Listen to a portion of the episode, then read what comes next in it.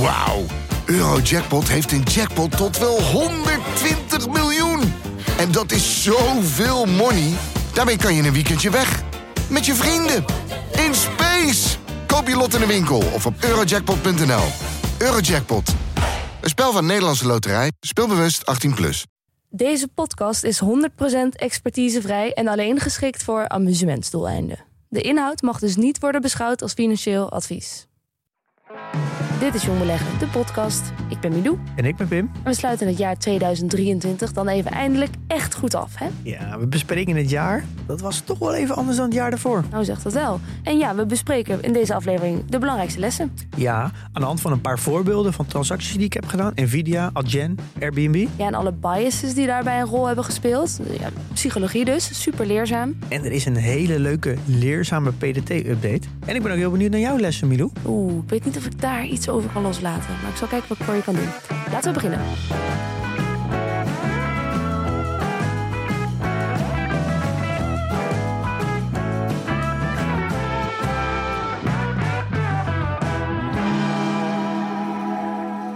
We hebben het vorige aflevering al beloofd.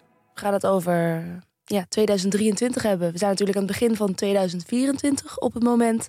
En dat is een goede gewoonte om even terug te blikken. Nu zijn wij een beetje laat daarvoor begrip. Ja, het is 11 januari, maar ik vind dat het nog steeds mag. Nou ja, de echte terugblik hoort natuurlijk in januari te zijn. Ja. Want ik kan me herinneren dat we vorig jaar in december hebben gedaan. Ja, Toen is de beurs natuurlijk eh, is nog wat veranderd. Dus dat Ja. voelt een beetje onvolledig. ja je, je moet wachten tot het einde. Dan moet je nog even kunnen reflecteren. Alle cijfers verzamelen en alle feiten op een rij zetten. Nou, dat is wat jij hebt gedaan.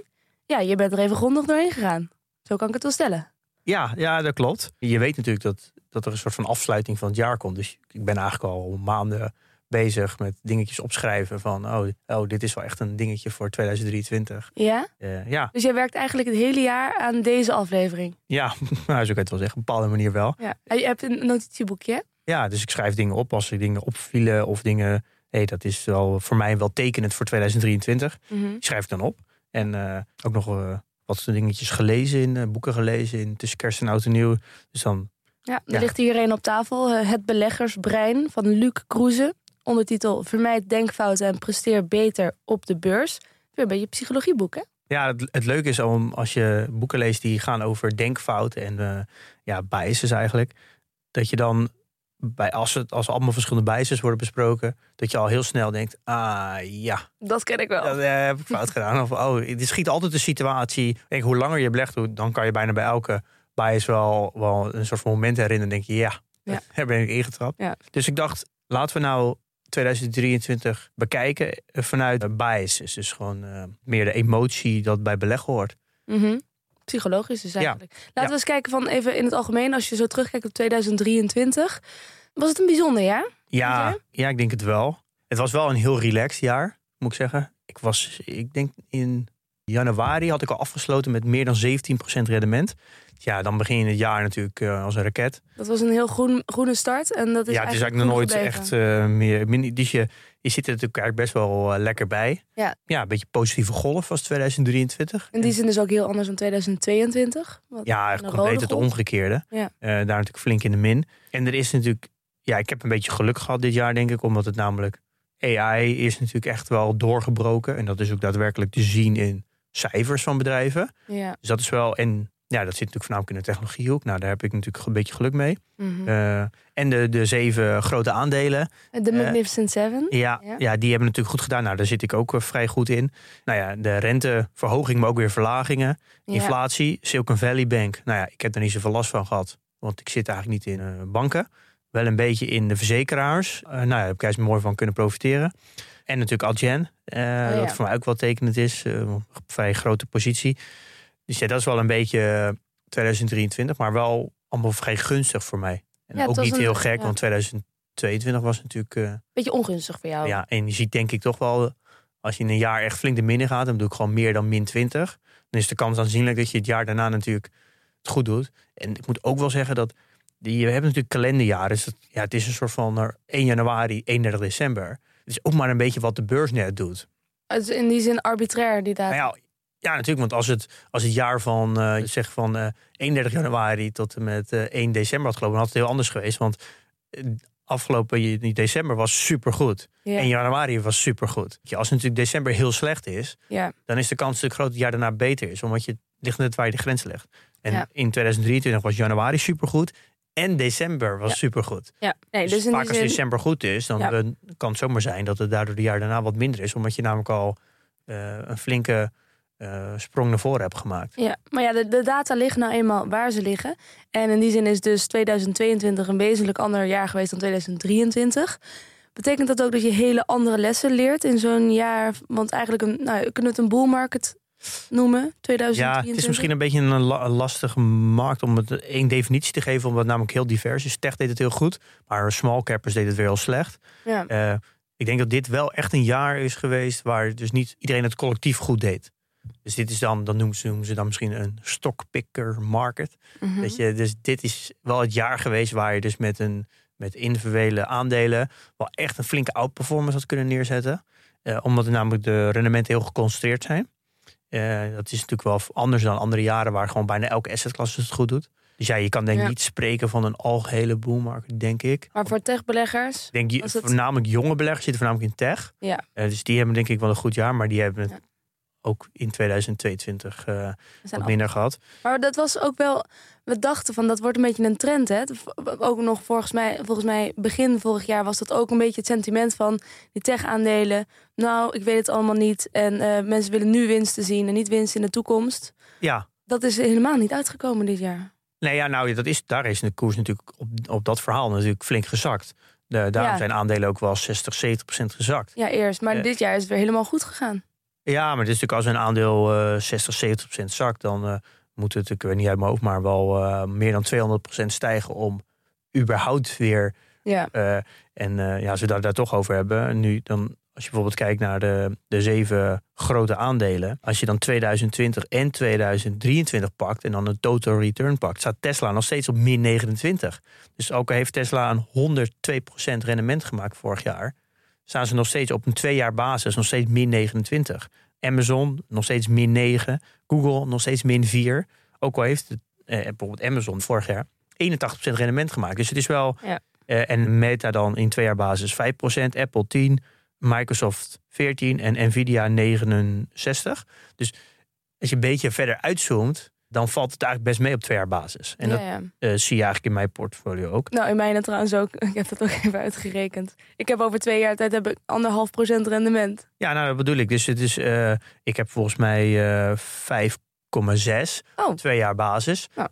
Ja, dat is natuurlijk niet heel goed, want als je dat, dan is dan iets meer dan 2,5% op jaarbasis. Dus uitzoomen is altijd wel, wel belangrijk. Ja, want als je inzoomt op dit jaar heb ik 16% rendement. Dan denk je zo, nou, dat is niet gek. En dan Ja. kijk ik naar 2022 en dat was toch wel echt min 15. Ja, ik heb eh, in Ja. 2023 eh 38,7.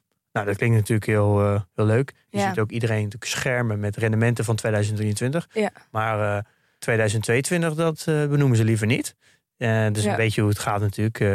Ja. dus, eh, Zeg ook, dat is toch die quote van don't confuse brains with the bull market. ja, dat, is, dat past hier wel echt heel goed bij. Ja. Ja. daarom kan je eigenlijk ook gewoon niks zeggen over zo'n korte termijn rendement.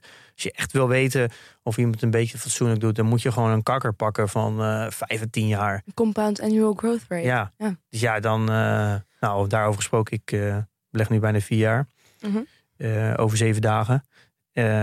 Ik heb 10,35 procent, een kagger. Dus ja, als het gemiddeld 7, 8 is per jaar, Ja. ehm, nou ja, heb ik toch wel een eh, mooie, mooie, nou nee, niet echt een outperformance op dan de index. De index doet het nog beter, maar op een Oh. langdurig gemiddelde, ja. ja, toch wel, eh, toch wel oké. Ben ik op zich wel tevreden mee. Helemaal ja, vier jaar lang eh, van helemaal niks weten naar een beetje weten. Vind ik toch wel dat ik een aardig rendement heb. Ja. Want ja, de eerste paar jaren weet ik, wist ik echt niet wat ik deed. Dus ik denk wel dat, dat het een aardig goede start is. eh, als je op vier jaar basis kijkt. En Ja. dat eh, ja, geeft me wel eh, positieve energie voor de komende Wel hè? 20 jaar. Ja, want je hebt het natuurlijk ook even vergeleken. Want dat is, als mensen nu denken van, huh, hoe bereken je dat allemaal? Nou, dat is gewoon heel makkelijk te doen met PDT. En dan kun je ook meteen zien hoe je het doet versus indexen zoals de AIX. Of versus de S&P 500 versus de benchmark, moet ik dan eigenlijk zeggen. Ja, voor de, de All World loop ik een soort van één op één. Oké. Dus daar had eigenlijk net zo goed eh, alles in eh, de All World kunnen stoppen. Ja. Maar ik, ik vind dat eigenlijk best wel positief. Als je net begint met beleggen en je weet eigenlijk nog niks. Dus je hebt eigenlijk een, eh, ja, je hebt nog een hele lange leercurve te gaan. Als je dan in vier jaar tijd de index bijhoudt. Ja, dat is, ja, daar ben ik eigenlijk wel tevreden mee. Als je nog gaat kijken, 2020 had ik 21,6 procent. 2021 23 en dan 2022 min 26 en 2023 38. Dus je, de, zijn best wel echt flinke uitslagen. Het is elke keer boven de 20% en onder de 20%. Ja. Dus het komt langer na niet in de buurt van de gemiddelde 7 8%. En uh, als je ook naar de statistiek kijkt, komt dat überhaupt bijna nooit voor. Nee. Het is altijd uit, zijn altijd uitschieters. Dus ja, dat, misschien is dat ook wel een beetje inherent aan mijn uh, portfolio, maar het is vrij volatiel. Ja, zoveel dus, uh, van de vier jaar heb ik dus ja, drie hele goede jaren en één heel, heel, ja, echt een stuk minder.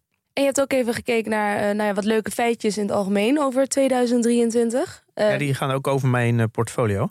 Want Ja. 145 dagen zijn positief van de 260. En dat is dan in mijn portfolio. Ja. Dus 55% van de dagen is positief. mhm. Nou, als je dat vergelijkt met 2022, is dat 13% meer. Ah. Eh, dus vorig jaar had ik wel echt eh, wel heel veel negatieve dagen. En de beste dag was 2 februari. En dat was op één dag 6,26. Zo. Dat is ja, best flink. En de slechtste dag was woensdag 25 oktober met 3,25 procent In de min. in de min. Ja, En de beste maand was januari, ja dat is 17 duidelijk. eh, procent.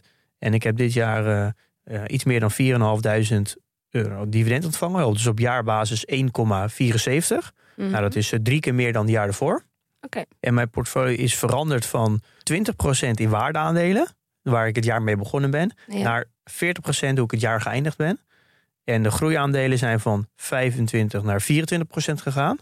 En GARP is van 34 naar 18% gegaan. Dus je kan eigenlijk wel zien dat ik het jaar iets meer offensief ben begonnen en langzaam wat Ja. meer defensiever gegaan. Als, Ja. je dan, als je dan kan zeggen dat waardeaandelen wat, wat defensiever zijn. Vooral ten koste van je GARP-strategie, dus Ja. Die, eh, die is wat, eh, wat verschoven. Is dat eh, tijdelijk of is dat, zit daar een...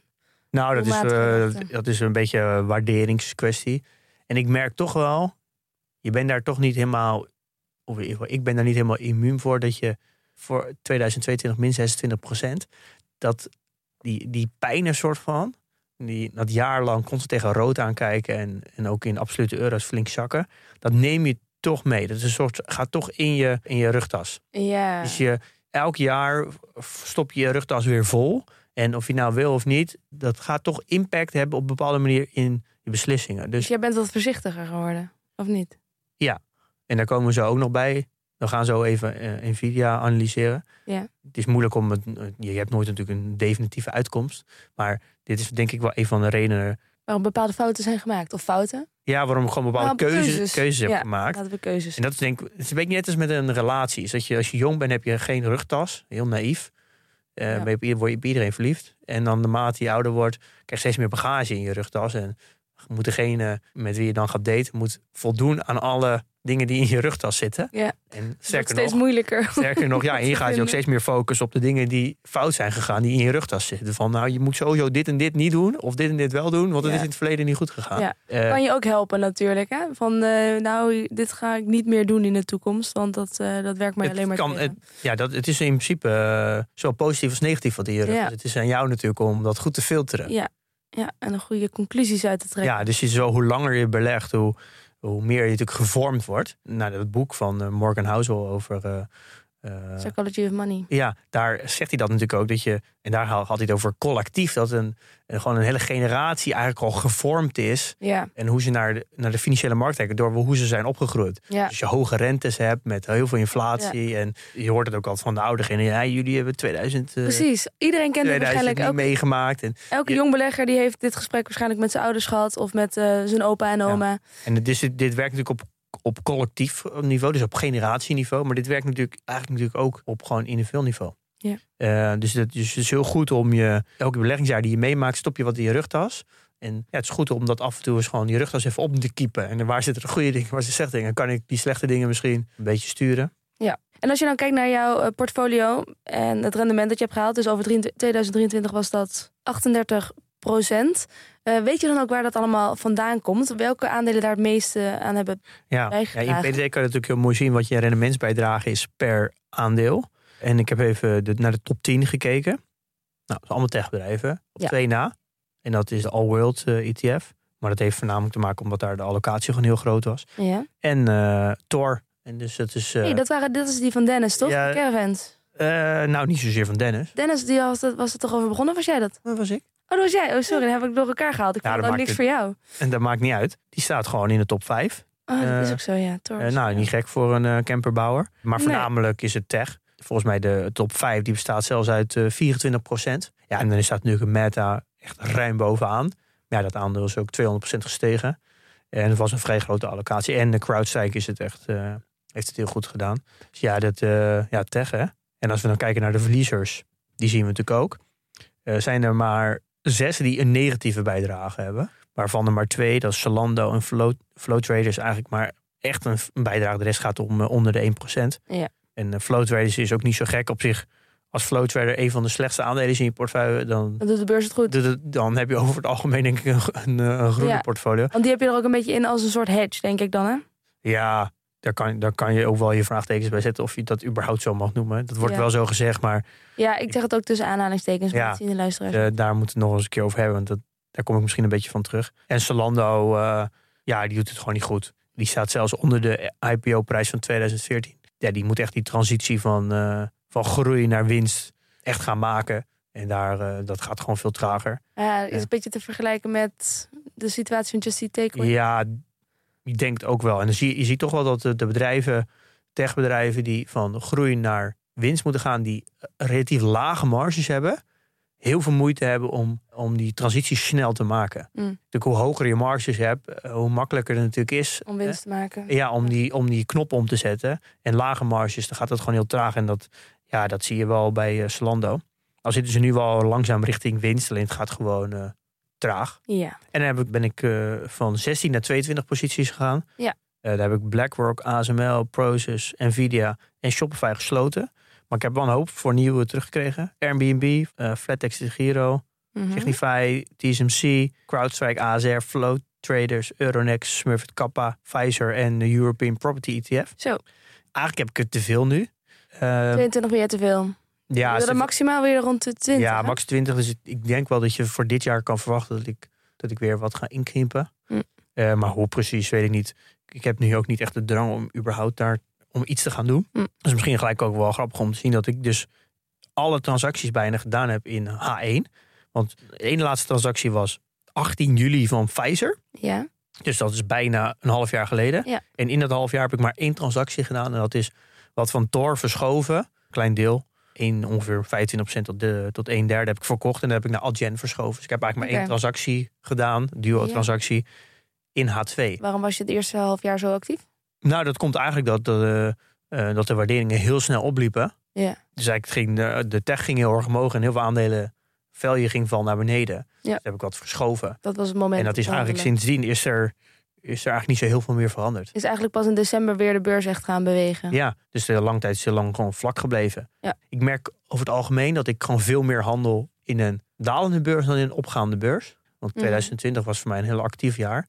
En dit jaar niet heel actief. Ik vind het sowieso lastiger beleggen in een opgaand jaar dan in een, in een jaar dat naar beneden gaat. Hoe langer de daling is, dus als een daling een jaar duurt, dan heb je bijna bij elke dag dat de koersen zakken, ontstaan er nieuwe kansen. Ja. Dus laten we zeggen dat er een, met die bak met ballen, hoe meer het daalt, hoe groter die bak met groene ballen wordt. Ja. Maar als alles alleen maar omhoog gaat, dan wordt eigenlijk die bak met groene ballen, dan gaat elke keer een, bal, een groen bal uit en die gaat naar de rode bak. Dus die bak met groene ballen wordt steeds kleiner. Dus het wordt steeds moeilijker. Ik bevries dan een beetje van ja, wat moet ik dan? Ja. Dat, daar zit ik dan nu ook wel een beetje in. Eh, dat het perspectief, dus als het flink daalt, Ja. wordt beleggen makkelijker en ook wel leuker. Maar dat is dan, het staat dan weer haaks op dat het, dat het dalen dan niet leuk is. Het- als het ene positief is, is het andere negatief en andersom. Laatst wij recent, dat is misschien wel leuk om hier even op in te gaan, een, eh, een tweet van Twan Schoenmakers op Twitter, of X tegenwoordig. En hij vroeg zich af of eh, zijn inspanningen in 2023 een bijdrage hebben geleverd aan zijn rendement. Dus of zijn handelen daar eh, een nuttige bijdrage voor is geweest. Ja, dat vond ik dus een, een hele leuke vraag. Ja, Het heeft mij wel getriggerd. Toen dacht ik, ja, dat ga ik wel even uitzoeken.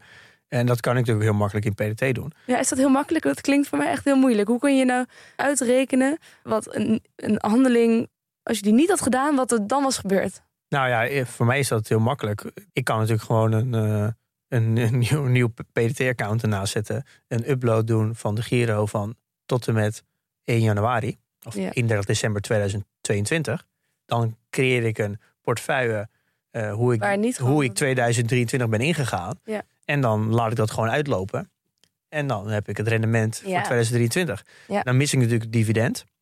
Maar wat ik dan doe, ik pak gewoon het dividend wat ik heb ontvangen in mijn huidige portefeuille. Dat tel ik daarna bij op. Dus dan kom ik uit op, als ik dat zonder dividend 33,29, tel ik daar 1,74% dividend bij op. Dan heb ik een rendement van 35,03. Ja. Nou ja, vergelijk met mijn mijn rendement nu is het 3,7 meer. Dus Ja. je kan dan zeggen, je zou misschien kunnen zeggen Ja. eh, dat mijn inspanning eh, 3,7% rendement heeft gecreëerd. ja. Als ik vergeleken met als ik he- gewoon heel 2023 niks had gedaan. Ja. Ah. Ja, nou, zo, ik weet niet wat je ermee moet, maar wel een leuk, eh, leuk om te zien. Dus het schuiven eigenlijk van Ja. kopen en verkopen heeft dus wel een nut gehad. Dus ze zeggen wel eens, de beste belegger is een dode belegger. Maar dat is in jouw geval, gaat dat niet op. Nee, Een levende PIM, daar heb je toch wel degelijk nou, 3,7% extra rendement aan. ja, het heeft natuurlijk voornamelijk ook te maken dat ik Proces heb verkocht. Oké. Maar goed, heb je wel gedaan. Heb ik wel gedaan, ja. Ja. Maar ik heb ook natuurlijk ook fout gemaakt dat ik Nvidia Ja. verkocht. Gaan we het zo nog eens Ja. hebben. Ja. Dus eh, dat, dat ja, was wel leuk om even te zien.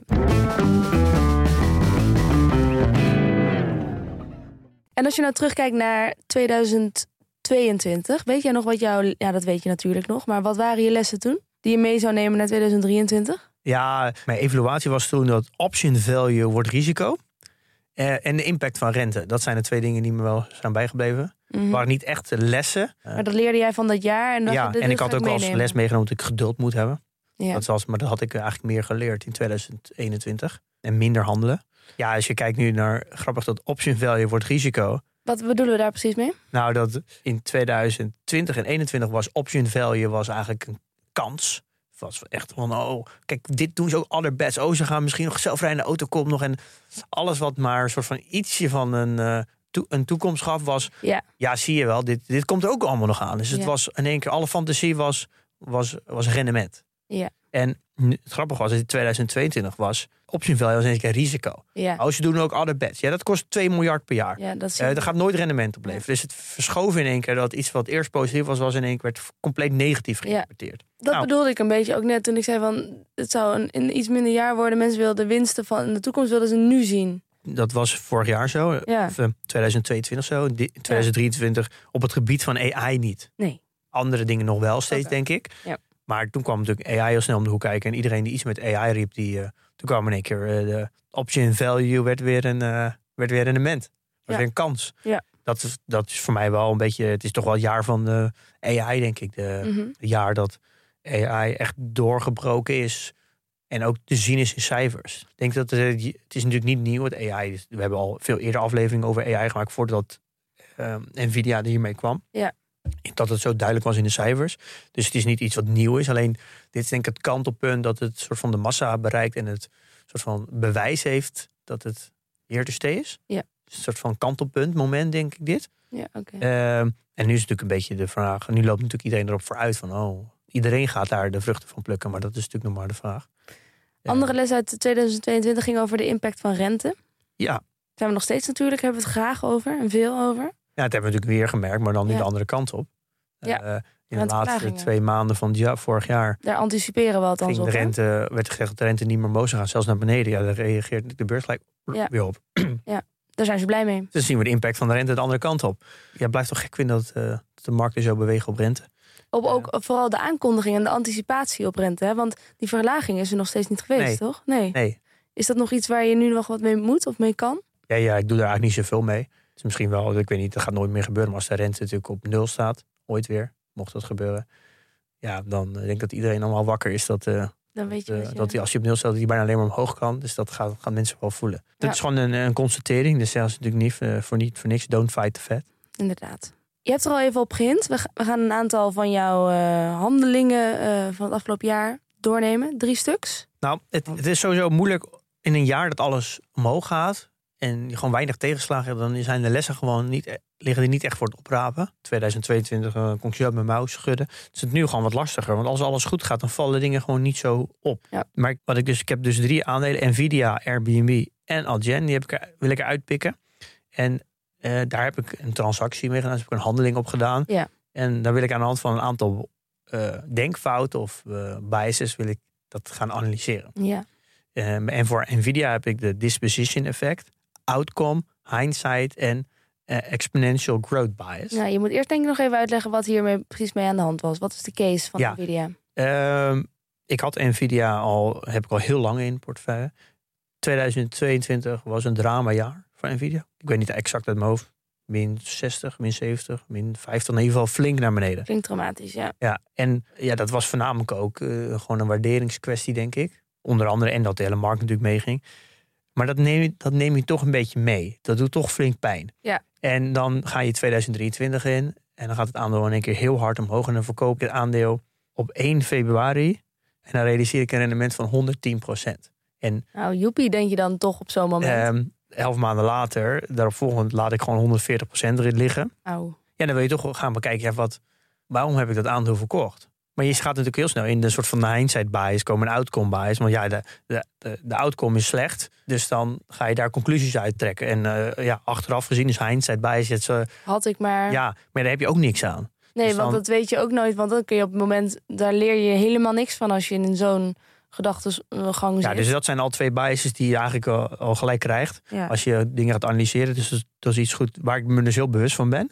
En dan, ga je, dan kom je heel snel op het proces uit. Dus je moet dus niet de, de uitkomst beoordelen. eh, maar je moet het proces beoordelen. Ja, oh, maar daar komt jouw eh, aantekeningenboekje denk ik dan van Ja, pas. hoe- Want weet je nog waarom je dit hebt gedaan, dat verkopen op 1 februari? Ja, ik, ik, heb dit, ik kan dus dit, dit aandeel dus net niet vinden. Dat heb je niet opgeschreven? Nee, dus Oh. dat is even jammer. Maar ik- dan ga je dus graven. Ja. Ja. ja, wat is daar dan fout gegaan? Of hoe is dat proces gegaan? En is dat dus daardoor goed of fout gegaan? ja. Ik kan me nog wel eh, herinneren dat ik toch best wel geschrokken ben van 2022. Dat er Ja. aandelen die flink overgewaardeerd waren of flink gewaardeerd waren.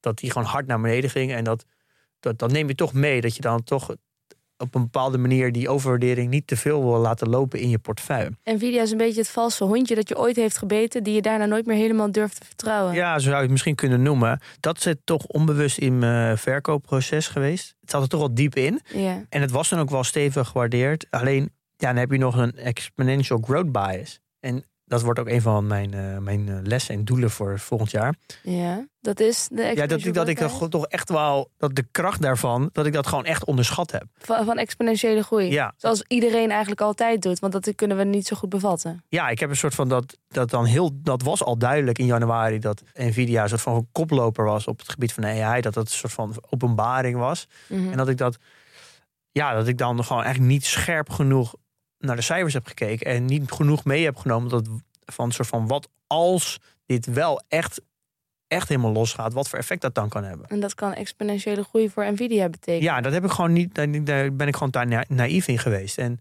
ja, om dan volledig op de verknoop te drukken, dat, ja, dat is denk ja, achteraf gezien het niet goed, maar ik, ik denk dat ik daar iets scherper op moet zijn. En we gaan straks ook komen bij de PDT-update waar we hebben gemaakt dat je de impact van verkoopbeslissingen kan zien. Mhm. En daar is toch ook wel het disposition effect goed te zien. En dat is? Dat je toch geneigd bent om aandelen die het heel goed doen, sneller te verkopen. Vergeleken met verliezende aandelen. En ik kan je Ja. vertellen, als met deze update in PDT over eh, je verkoopbeslissing, de impact daarvan.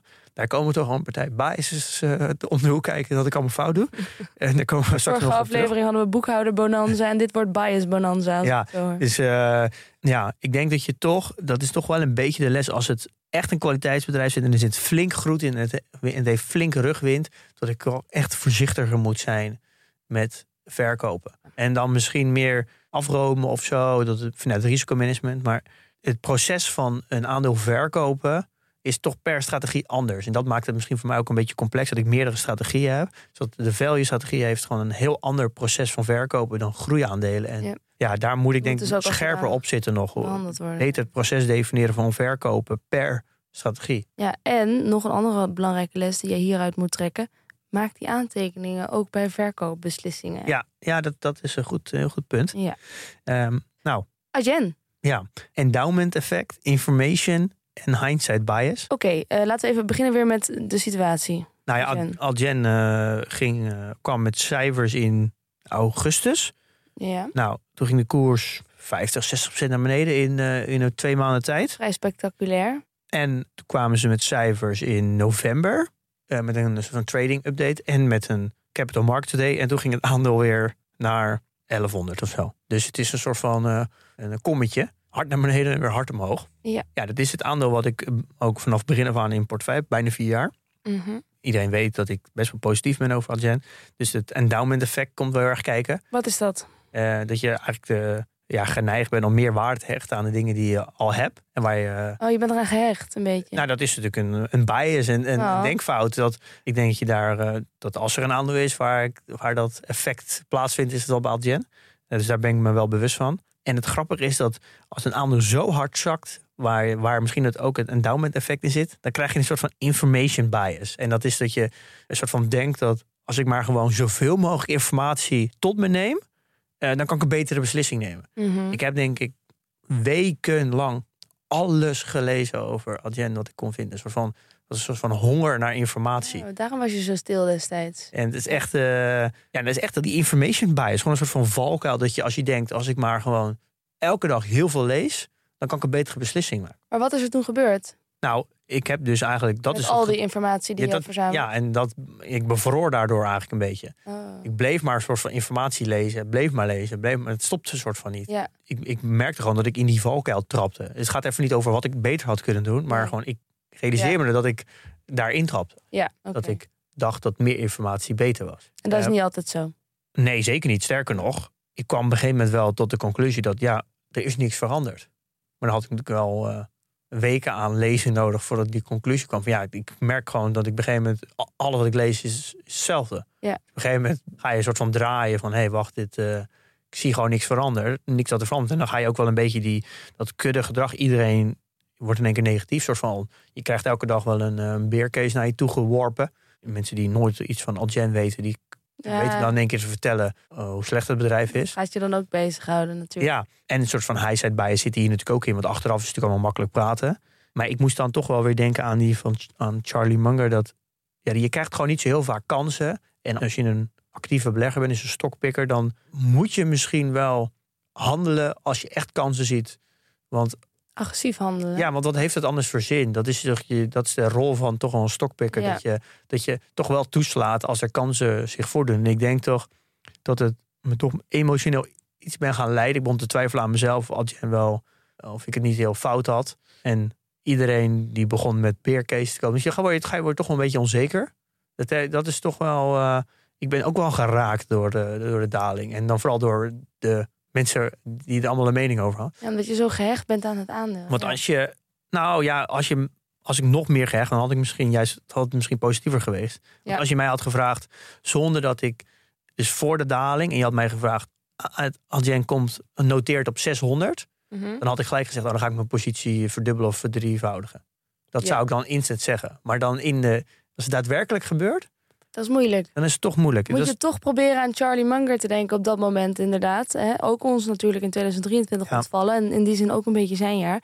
Eh, maar wat hij dan precies zei is... Patience and aggressive opportunism is what you need. It's an odd combination, but it's what works Ja. best. Dus het is wel een beetje een hindsight bias. Ik heb uiteindelijk wel goed gehandeld. Ik heb best wel flink bijgekocht. Ik heb mooi geschoven van Tor Industries naar Adyen. Mm. Eh, nou, ik, ik sta in principe goed, nog goed in de plus. Ik heb nu een mooie positie, is niet een van mijn grootste posities. Maar heb toch een, een, een, beetje een nare nasmaak aan, aan, de, aan deze situatie. Dat ik, ja, ik, het heeft mijn emotie toch wat gedaan. En ik, Ja, en ik had dus niet verwacht dat het me wat had gedaan. Al Juist omdat het bij Adyen is waar ik zo zeker van was. ja, jij wil gewoon een rationele machine zijn op dit vlak. Ja, nou ja, ik weet niet. Dit, dit, is toch, ik, dit gaat wel in mijn bagage. Dus als, er, als het dit nog een keer.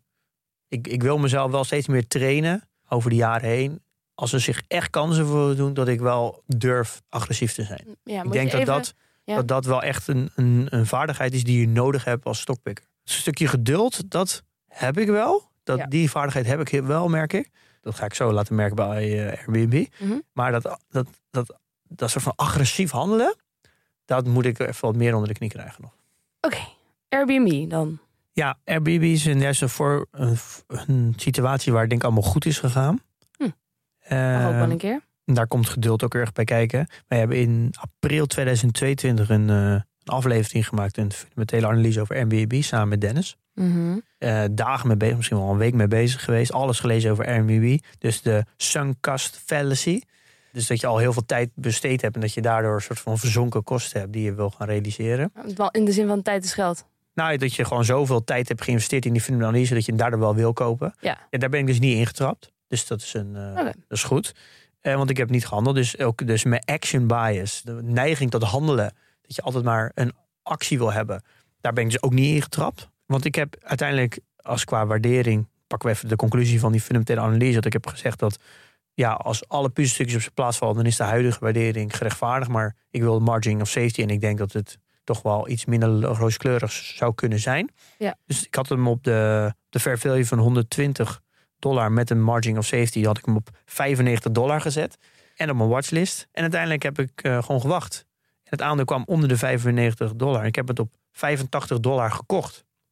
In één keer een volledige positie ingenomen. Zo. Dus het staat momenteel met 60% in een plus. En dat is, eh, Airbnb is voor mij wel een voorbeeld waar het hele proces klopte. Je doet een fundamentele analyse. Conclusie is, het is een goed bedrijf. Scenario is uitgewerkt. Nou, ik- vind scenario X het meest likely. Eh, nou, daar, daar komt deze waardering uit. Met deze margin of safety. Nou, dan gaan we geduld hebben. En Ja. het aandeel in, eh, in januari tikte de, ging die onder de 95 dollar. En eh, hebben het aandeel eh, gekocht. Dat is Dus het echt, Het eh, is wel een beetje uit het boekje. Hoe Ik wou net zeggen, beleggen volgens het boekje. ja, en dan kan je zeggen, ja, heb je daar ook niet een outcome bias nu, omdat het zo goed. Maar ik denk dat dat niet aan het geval is, want het proces was gewoon, Supergoed. nou, is goed. Dit is wel een voorbeeld, denk ik, hoe je eigenlijk zou willen beleggen. Eh, De natte droom van elke belegger dat het zo ja, gaat. dat je gewoon heel veel, misschien wel heel veel fundamentele analyses hebt gemaakt. Dat je conclusie hebt, nou, ik heb ongeveer eh, 20 bedrijven die ik gewoon heel goed vind. Daar heb je een scenario's op en een bepaalde target. En eh, voor de juiste prijs stap je in. Het zal niet altijd zo gaan, maar dit is dan wel mooi om te benoemen dat, ja, dat dit ook wel een, een, ja, een aandeel is waar het proces liep zoals ik wilde dat het liep. En bewijst toch ook maar dat je wel degelijk echt dingen leert. Ja, ja Toch? dat Ja. klopt. Oh, wat goed. Ja, daar ben ik wel blij mee. En eh, hoe lang hou je het vast? Nou, dat weet ik niet. Eh, het grappige is als je die analyse nog een keer terugluistert, dan komen we ook met een bepaalde soort van verwachting. Van ja, als het eh, zoveel procent marge draait, dan is het wel vergelijkbaar met bijvoorbeeld Microsoft. En is dat wel realistisch? En dat ze eigenlijk in, op alle manieren best wel die verwachting overtreffen, Airbnb. En Ja. dat is ook de reden waarom het aandeel zo hard gestegen is. Omdat ik denk dat de hele markt niet had verwacht dat ze zulke goede cijfers zouden laten zien. Dus ja, nu zit ik wel een beetje mee van ja, hoeveel ruimte is er nog? Want het, het, doet het eigenlijk al heel erg goed. Maar het is een goed bedrijf. En we gaan het straks nog over het disposition effect hebben. Ik ben wel echt voorzichtiger geworden met eh, het verkopen van kwaliteitsbedrijven en groeibedrijven. Nou, dat is misschien ook een beetje de learnings uit Nvidia. Dus dat neem je toch mee. Dus ik ben voorzichtiger. Dus daarom eh, druk ik minder snel op de verkoopknop.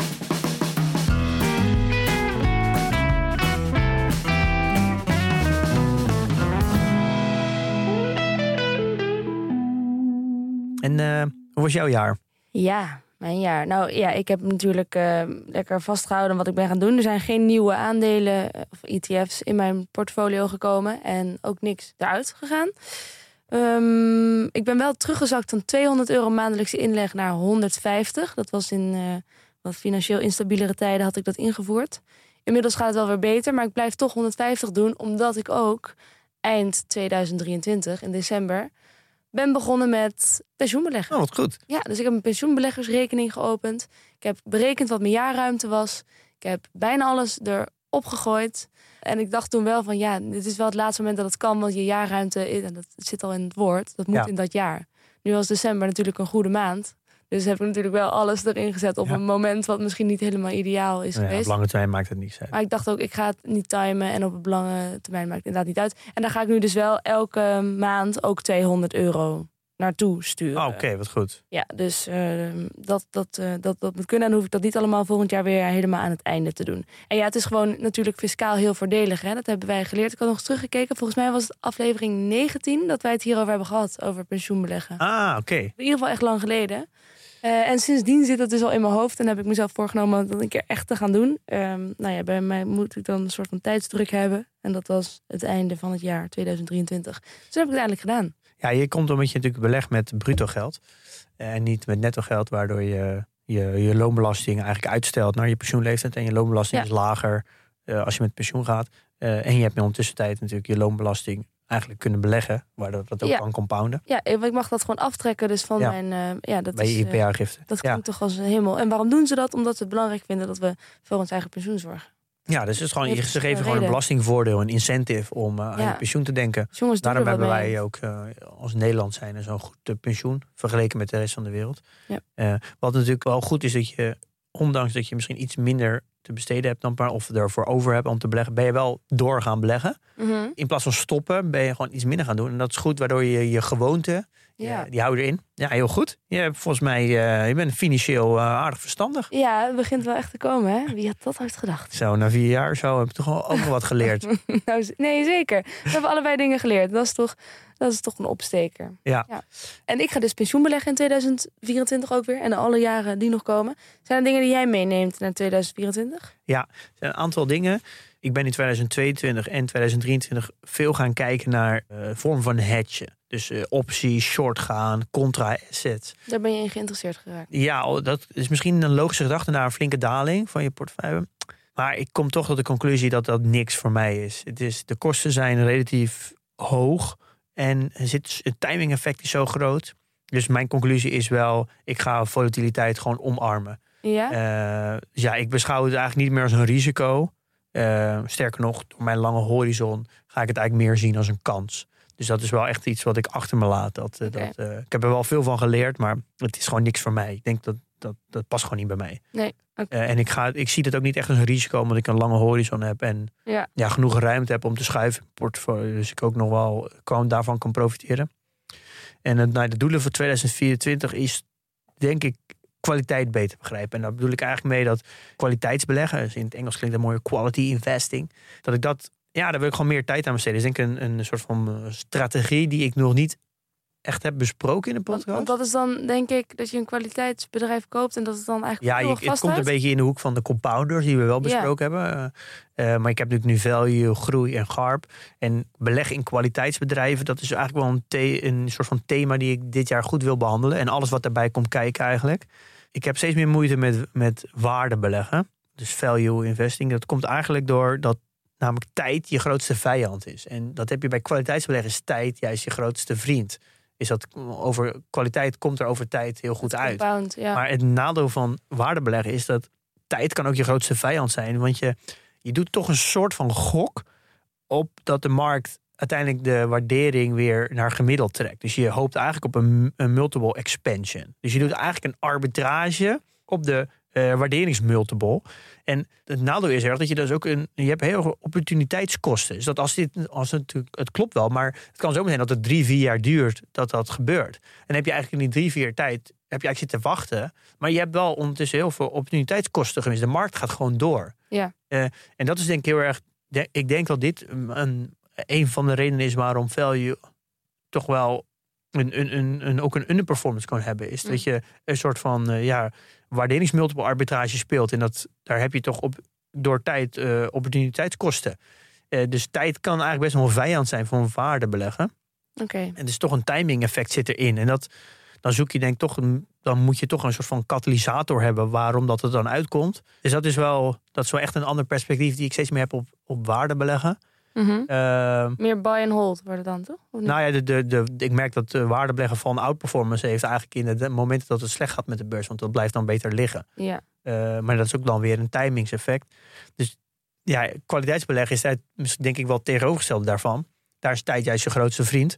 Dus daar wil ik eigenlijk wat meer tijd aan gaan besteden. En dan komen natuurlijk eigenlijk allemaal, eh, allemaal vragen op van ja, wat is dan kwaliteit? Hoe beoordeel je kwaliteit? In welke fase eh, wil je kwaliteit bezitten? Waarom is kwaliteit altijd duur? Eh, hoe ga je kwaliteit beoordelen? Wat heeft invloed van het management? Nou, ja, zijn allemaal ja. vragen die we dit jaar gaan onderzoeken. Oké. Ehm, nou, de free cashflow aflevering met Mark, die is al een beetje een aanzet daartoe. Dat is die hele makkelijke aflevering, toch? Ja, die werd niet door iedereen heel makkelijk bevonden. Maar af en toe is het goed om, eh, om als je aan het leren bent, net even iets vooruit te lopen, zodat je doorhebt dat je nog veel kan leren. Ja.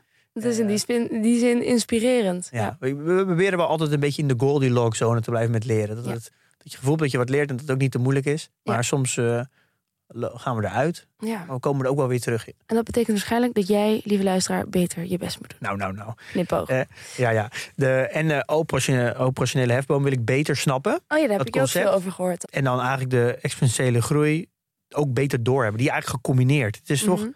je hebt toch, ja, het blijft toch lastig om het echt goed te begrijpen. We denken allemaal lineair.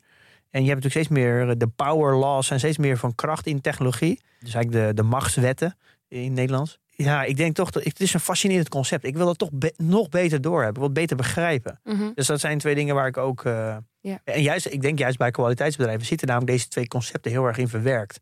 Kijk naar Nvidia. Eh, ja, maar ook die, we bij, eh, die we bij de hefboom hebben gebruikt. eh FICO was dat volgens mij, dat de, de omzetgroei maar 10% was, maar de free cashflow groei 25% groei. Ja. Dus dat die hefboom, als je dat tien jaar lang zo'n hefboom kan laten werken, dat is echt, eh, dan ga je, ja, dat is, dat ga je gewoon, dat is ongekende performance ga je dan krijgen. Dus dat zijn wel de dingen voor mij waar ik eh, meer aandacht op ga leggen. Oké. Ik Nou, ik hou denk je eraan. misschien zelfs wel dat als je echt lang aan, het- aan het leren bent, als je echt een focus hebt om te leren beleggen, en je gaat over een hele lange periode, dat ik denk wel dat bijna iedereen gaat uitkomen bij kwaliteitsbedrijven. Ook omdat het denk ik op lange termijn meer buy and hold is en onderhoudsvriendelijk. Ja. En als je eenmaal een gezin hebt en je, hebt het, je, je gaat een beetje in je, beetje in je 30, begin 40, is het misschien de meest drukke periode van je leven. Dan is het natuurlijk wel fijn om een iets passievere portfolio te hebben. En het werk zit hem voornamelijk in het fundamentele analyse en het aankoopmoment. En veel minder in als je een positie eenmaal hebt opgebouwd. Mooi gesproken.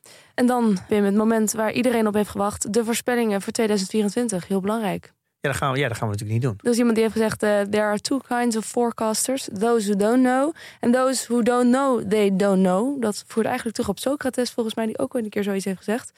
En dat zijn vaak juist de mensen die niet weten dat ze het niet weten. Dat zijn vaak juist de mensen die het hardst roepen dat ze gelijk hebben. Het is echt, ik verbaas me enorm hoeveel mensen, en vooral gewoon eh, fondsmanagers, analisten, iedereen die, eh, die denkt, eh, die veel praat over beleggen dan in één keer zich verlaagt tot amusement en dan het, voorspellingen gaat doen. Tot, Ja. ik, je hebt namelijk al, je hebt gewoon 100 jaar geschiedenis tegen je en dan heel serieus gaan praten over hoe je denkt over 2024. Ja, het, het verbaast mij Ja. o- o- enorm. In één keer worden serieuze podcasts worden amusementpodcasts. Ja, noem, Zonder het, dat ze het doorhebben. noem het maar amusement ook. Ja, dan kan je beter naar een chatcast met BN'ers gaan luisteren. Ja, Ehm het is een mooi stukje ja uit een boek. in het, het, het beleggersbrein, we hebben het al even genoemd. Ja, moet je eens voorlezen daarover. Ja.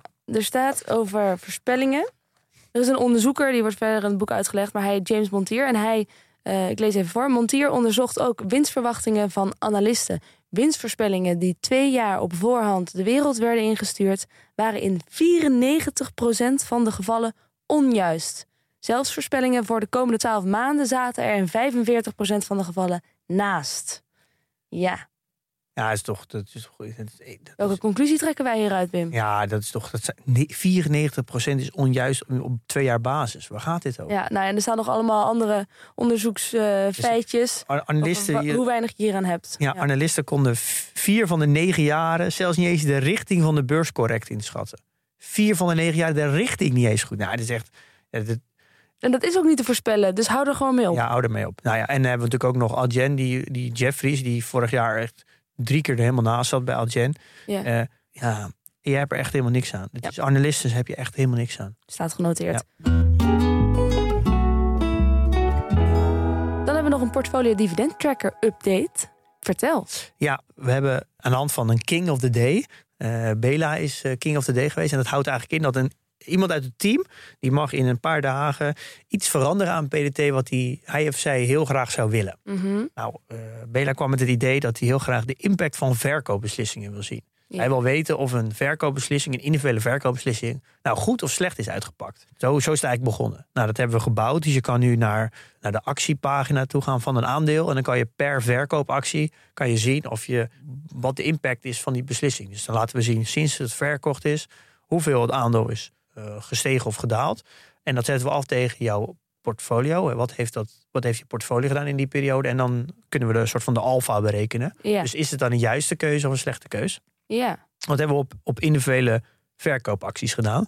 Toen dachten we later, ja, dit is zo echt heel interessant. Dus toen hebben we het even wat groter gemaakt. En dan hebben we dus eigenlijk die hele gesloten positietabel die je onderaan bij je portfolio ziet, hebben we een volledige update gegeven. Dus we berekenen dat nu ook op gesloten posities. Dus niet alleen individueel op een transactie, Ja. een verkooptransactie, maar ook gewoon op de hele positie. Dus als je een positie bijvoorbeeld in vijf keer in vijf stappen gesloten hebt, dan nemen we dat nu ook mee. Ja. En het leuke is dat je dus ook kan zien wat is bijvoorbeeld je statistieken zijn over je verkoopbeslissingen. Nou, ik heb ongeveer twee derde van mijn verkoopbeslissingen zijn positief. Dus dan kan je zeggen, nou, best wel. Die pakken positief uit. Ja. Ja. Ja, dus die, eh, die heb, ik, eh, heb ik juist gedaan. Nou, dat is best wel een hoge score. Het vertekent bij Ja, mij inderdaad. wat, omdat ik namelijk heel veel dividendaandelen heb gehad. Daardoor zijn mijn, mijn aantal gesloten posities wat hoog. En dus daar heb ik dan niet voor gecorrigeerd, maar dat, dat weet ik dus niet. Maar dat vind ik best wel een aardige score. Ik kan niet, gewoon geen data vinden over wat normaal is. Dus ik ben Mhm. heel benieuwd wat de mensen in de community voor score hebben. Ja. Dan kunnen we het een beetje met elkaar vergelijken. En ik heb een screenshot eh, dan nu voor me. Eh, dat ik dan de 15 beste verkoopbeslissingen in de afgelopen vier jaar. En daar is Galapagos de beste verkoopbeslissing. Want het aandeel is sinds ik het verkocht heb met 60% gedaald. En mijn portefeuille is met 32% gestegen. Oh, wat, wat grappig om te zien, joh. Dus dan heb ik een alfa behaald van 92%. Nou, je kan je zien dat Tja. welke aandelen dan allemaal het goed doen en slecht. Maar het grappige is, je kan hier dus heel veel van leren. Want de, ja, ik ga nu een beetje naar de conclusie toe. Ja. Dat aandelen, naar mijn idee, wat kwaliteitsbedrijven zijn, Booking. eh, een negatieve impact van 69% Apple, een negatieve impact van 58%. Broadcom, een negatieve impact van 41%. Microsoft, een negatieve impact van 22%. Negatieve impact daarop. Eh, nou, dat ik een, dus eigenlijk geen alfa, een negatieve alfa. Ja. Dus ik had eigenlijk deze aandelen allemaal niet moeten verkopen. ja. Dus conclusie is wel een beetje kwaliteitsbedrijven moet ik wel twee keer nadenken voordat ik de verkoop. Ja. Want alle wat ik bestempel als een kwalitatief goed bedrijf, daar had ik eigenlijk niet moeten verkopen, want het laat nu zien dat ik overal negatieve alfa heb. Ja. Nou, dat is eigenlijk één conclusie die ik trek. Oh, Andere conclusie die ik trek, dat ik mijn value aandelen, die heb ik allemaal goed verkocht. Dus daar zit, is eigenlijk mijn verkoopproces best goed. Mhm. En eh, ja, bij, eh, bij mijn GARP en mijn groeistrategie zijn de verkoopbeslissingen gewoon minder eh, gelukkig. Dus ja, dat is. Je kan hier echt veel van. Je haalt hier heel veel informatie uit. Je kan namelijk. Ja. Hier is namelijk het gedrag van jou in het verleden. In mijn geval vier jaar. Die, die kan je nu naar boven halen. En ik heb wel eens eerder gezegd dat de grootste fouten van beleggers zijn, zijn meestal verkoopbeslissingen. En want ik denk dat een belegger die tien jaar belegt, die zal altijd zeggen: Ja, mijn grootste fout is dat ik Microsoft verkocht heb in 2017. Eh, nou, vraag maar aan elke belegger die lang belegt, die, die zal dit zeggen. Eh, dus ja, eigenlijk de grootste fouten zijn meestal onzichtbaar. Ja. Eh, die heb je helemaal niet door, want het, het aandeel verdwijnt uit je portefeuille, dus je hebt het niet meer door. Eh, maar die stapelen zich wel op over tijd. Ja, En nu is het niet langer onzichtbaar, Nee. want hier is de PDT. Ja, dus je kan ook nog eens filteren op waar dan je grootste alfa zit, negatief of positief. Dus dan kan je het ook nog eens zien. Ja, ik vind het dus een hele leuke update. Dus het disposition effect is bij mij gewoon zo hard duidelijk hierin. Dat ik dus alle aandelen. Ja. Oh, dat is ook nog wel een trouwens goed punt. Eh, alle aandelen die ik dus met winst heb verkocht. Dat zijn die kwaliteitsbedrijven. Heb ik allemaal winst op geboekt. Die had ik eigenlijk niet moeten verkopen. Nee. Alle aandelen die ik met verlies heb verkocht. En bijvoorbeeld, een hele mooi voorbeeld is Alibaba. Die heb ik met 9000 euro verlies verkocht. Ja. En daar heb ik een alfa nu op van 47 procent. Oké. Dus ook al, he- he- Goeie, goede beslissing geweest. ja, ook al heb ik dus op dit aandeel 9000 euro verloren, is de verkoopbeslissing fantastisch geweest. Ja. En dat is ook met Fastly is het exact hetzelfde, met CM ook. Ja. Dus het disposition effect is wel heel erg duidelijk dat ik dus te snel de winnaars verkoop. En ja, nu, ik heb een paar gevallen dat ik verliezers goed verkocht heb, maar ik hou denk toch te lang aan aan verliezers. Ja. Eh, dat laat je hier dus ook heel goed zien. Dat en, is wel hele nuttige info die je zo even krijgt. en het grapje is dat eh, Bela, die heeft, die heeft dit, eh, zijn King of the Day is, is dit. En die heeft ook een post in de community gedaan. Die kwam namelijk tot dezelfde conclusie. Ja. En ik denk dat als je nu, nou, als je dit nu hoort, kijk nu naar je PDT. Kijk of dit effect ook in jouw portefeuille zit. Want het disposition effect is niet voor niks een heel bekend fenomeen. Dat Ja. dit alle beleggers overkomt. En hoogstwaarschijnlijk jou ook. En mij dus ook. Dus Ja. dit is, geeft heel veel inzichten. eh, ja, om in de toekomst je verkoopbeslissing anders te doen. Leer ervan. En dan, om, over, om dan met dat boek af te sluiten van eh, Luc Kroze. Het beleggingsbrein. Luc ja? Hij heeft een hele mooie quote in het boek. eh, Dat, hij heeft het niet benoemd als quote, maar ik heb hem er wel uitgehaald. Je kunt een uitstekende analist zijn, maar toch een waardeloze belegger... omdat je emoties of gedrag niet onder controle hebt. En dat, is, ja, dat vind ik wel een beetje samenvattend voor, voor ook dit boek... maar ook voor jou als belegger is dat... eh, En, en 2023 je kan, misschien ook je kan fantastische fundamentele analyses maken. Maar als je gewoon niet goed je gedrag onder controle hebt, ben je nog steeds een waardeloze belegger. Ze zegt er niet van ik beleggen is misschien wel 80% emotie en 20% fundamentele analyse. Eh, ja, dat haal je echt wel uit deze update. Ik ben echt heel erg trots op deze update, want dit maakt. Het is gewoon mooi om software te maken wat mensen echt verder helpt. Ja, nou even eh, alle lof naar Bela hiervoor, lijkt mij. Voor het, zeker voor het idee. En natuurlijk ook de rest van het team van het bouwen daarvan. Ja, ja, ja. ja. Krijgen ze allemaal loonsverhoging nu? Ik geef constant loonsverhoging. Slinger ermee. Oké, heel goed. Hier, daar. Ja, oh nou, wat gezellig. Zeg, eh, 2023 komt hiermee wel mooi tot een einde, lijkt mij. Eh, we bestempelen dan ook als afgedaan die hele zaak. We gaan weer vooruitkijken. 2024, let's go. Toch, Pim? Ja, eh, op naar meer onderzoek naar kwaliteit. Ja. En volgend jaar, dan blikken we wel weer terug. Ja, als je thuis nog suggesties hebt over andere onderwerpen, mag dat ook. Kom maar door. Eh, de inbox is altijd geopend. En dan sluit ik af met de woorden: investeer in je kennis en beleg met Beleid.